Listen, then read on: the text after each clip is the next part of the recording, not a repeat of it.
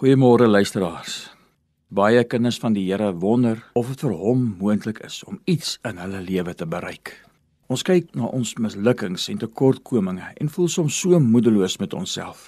Ons voel die onvermoë om te groei in ons geestelike lewe en gee sommer moed op. Ek lees daar in Filippense 1:6 hierdie treffende woord van Paulus.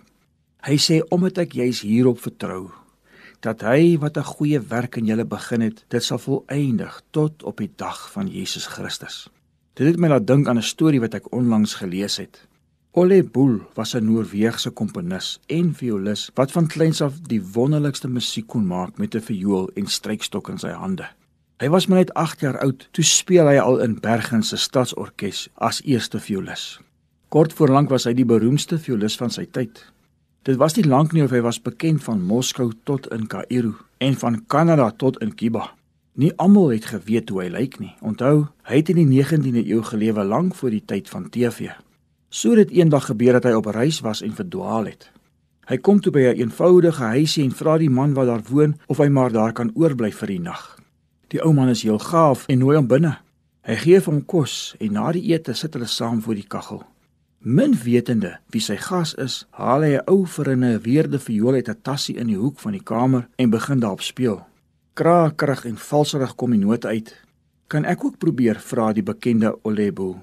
Die man antwoord en sê vir hom: "As jy wil, kan jy probeer, maar jy moet weet dit is nogal moeilik. Ek het jare geoefen voor ek dit kon regkry." Toe neem die wêreldberoemde violis die gehawende viool, stem dit in en begin daarop speel.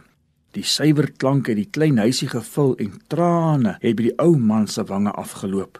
Eers later het hy besef wie hy daardie aand in sy plekkie onthaal het. Ons is baie maal soos daardie gehawende verjoel. Die harde lewe het van ons snare gebreek en die geluide wat ons maak is vir niemand se ore aangenaam nie. Dit veroorsaak dat jy net meer verwerp en onbruikbaar voel. So probeer ons vir jare op ons eie aangaan en ons raak so gewoond aan die valse note dat ons nie meer weet hoe dit regtig moet klink nie. As ons God toelaat om ons in sy hande te neem en ons heel te maak, sal daar weer hemelse klanke uit ons kom. Mense sal na Jesus toe aangetrek word omdat hulle die verskil in my lewe sal kan sien. Wonderbare Here Jesus, ons het U so nodig om die stikkende plekke in ons lewe heel te maak. Help ons om oor te gee aan U, sodat U ons in U hande kan neem en verander tot instrumente wat hemelse klanke na vore sal bring. Amen.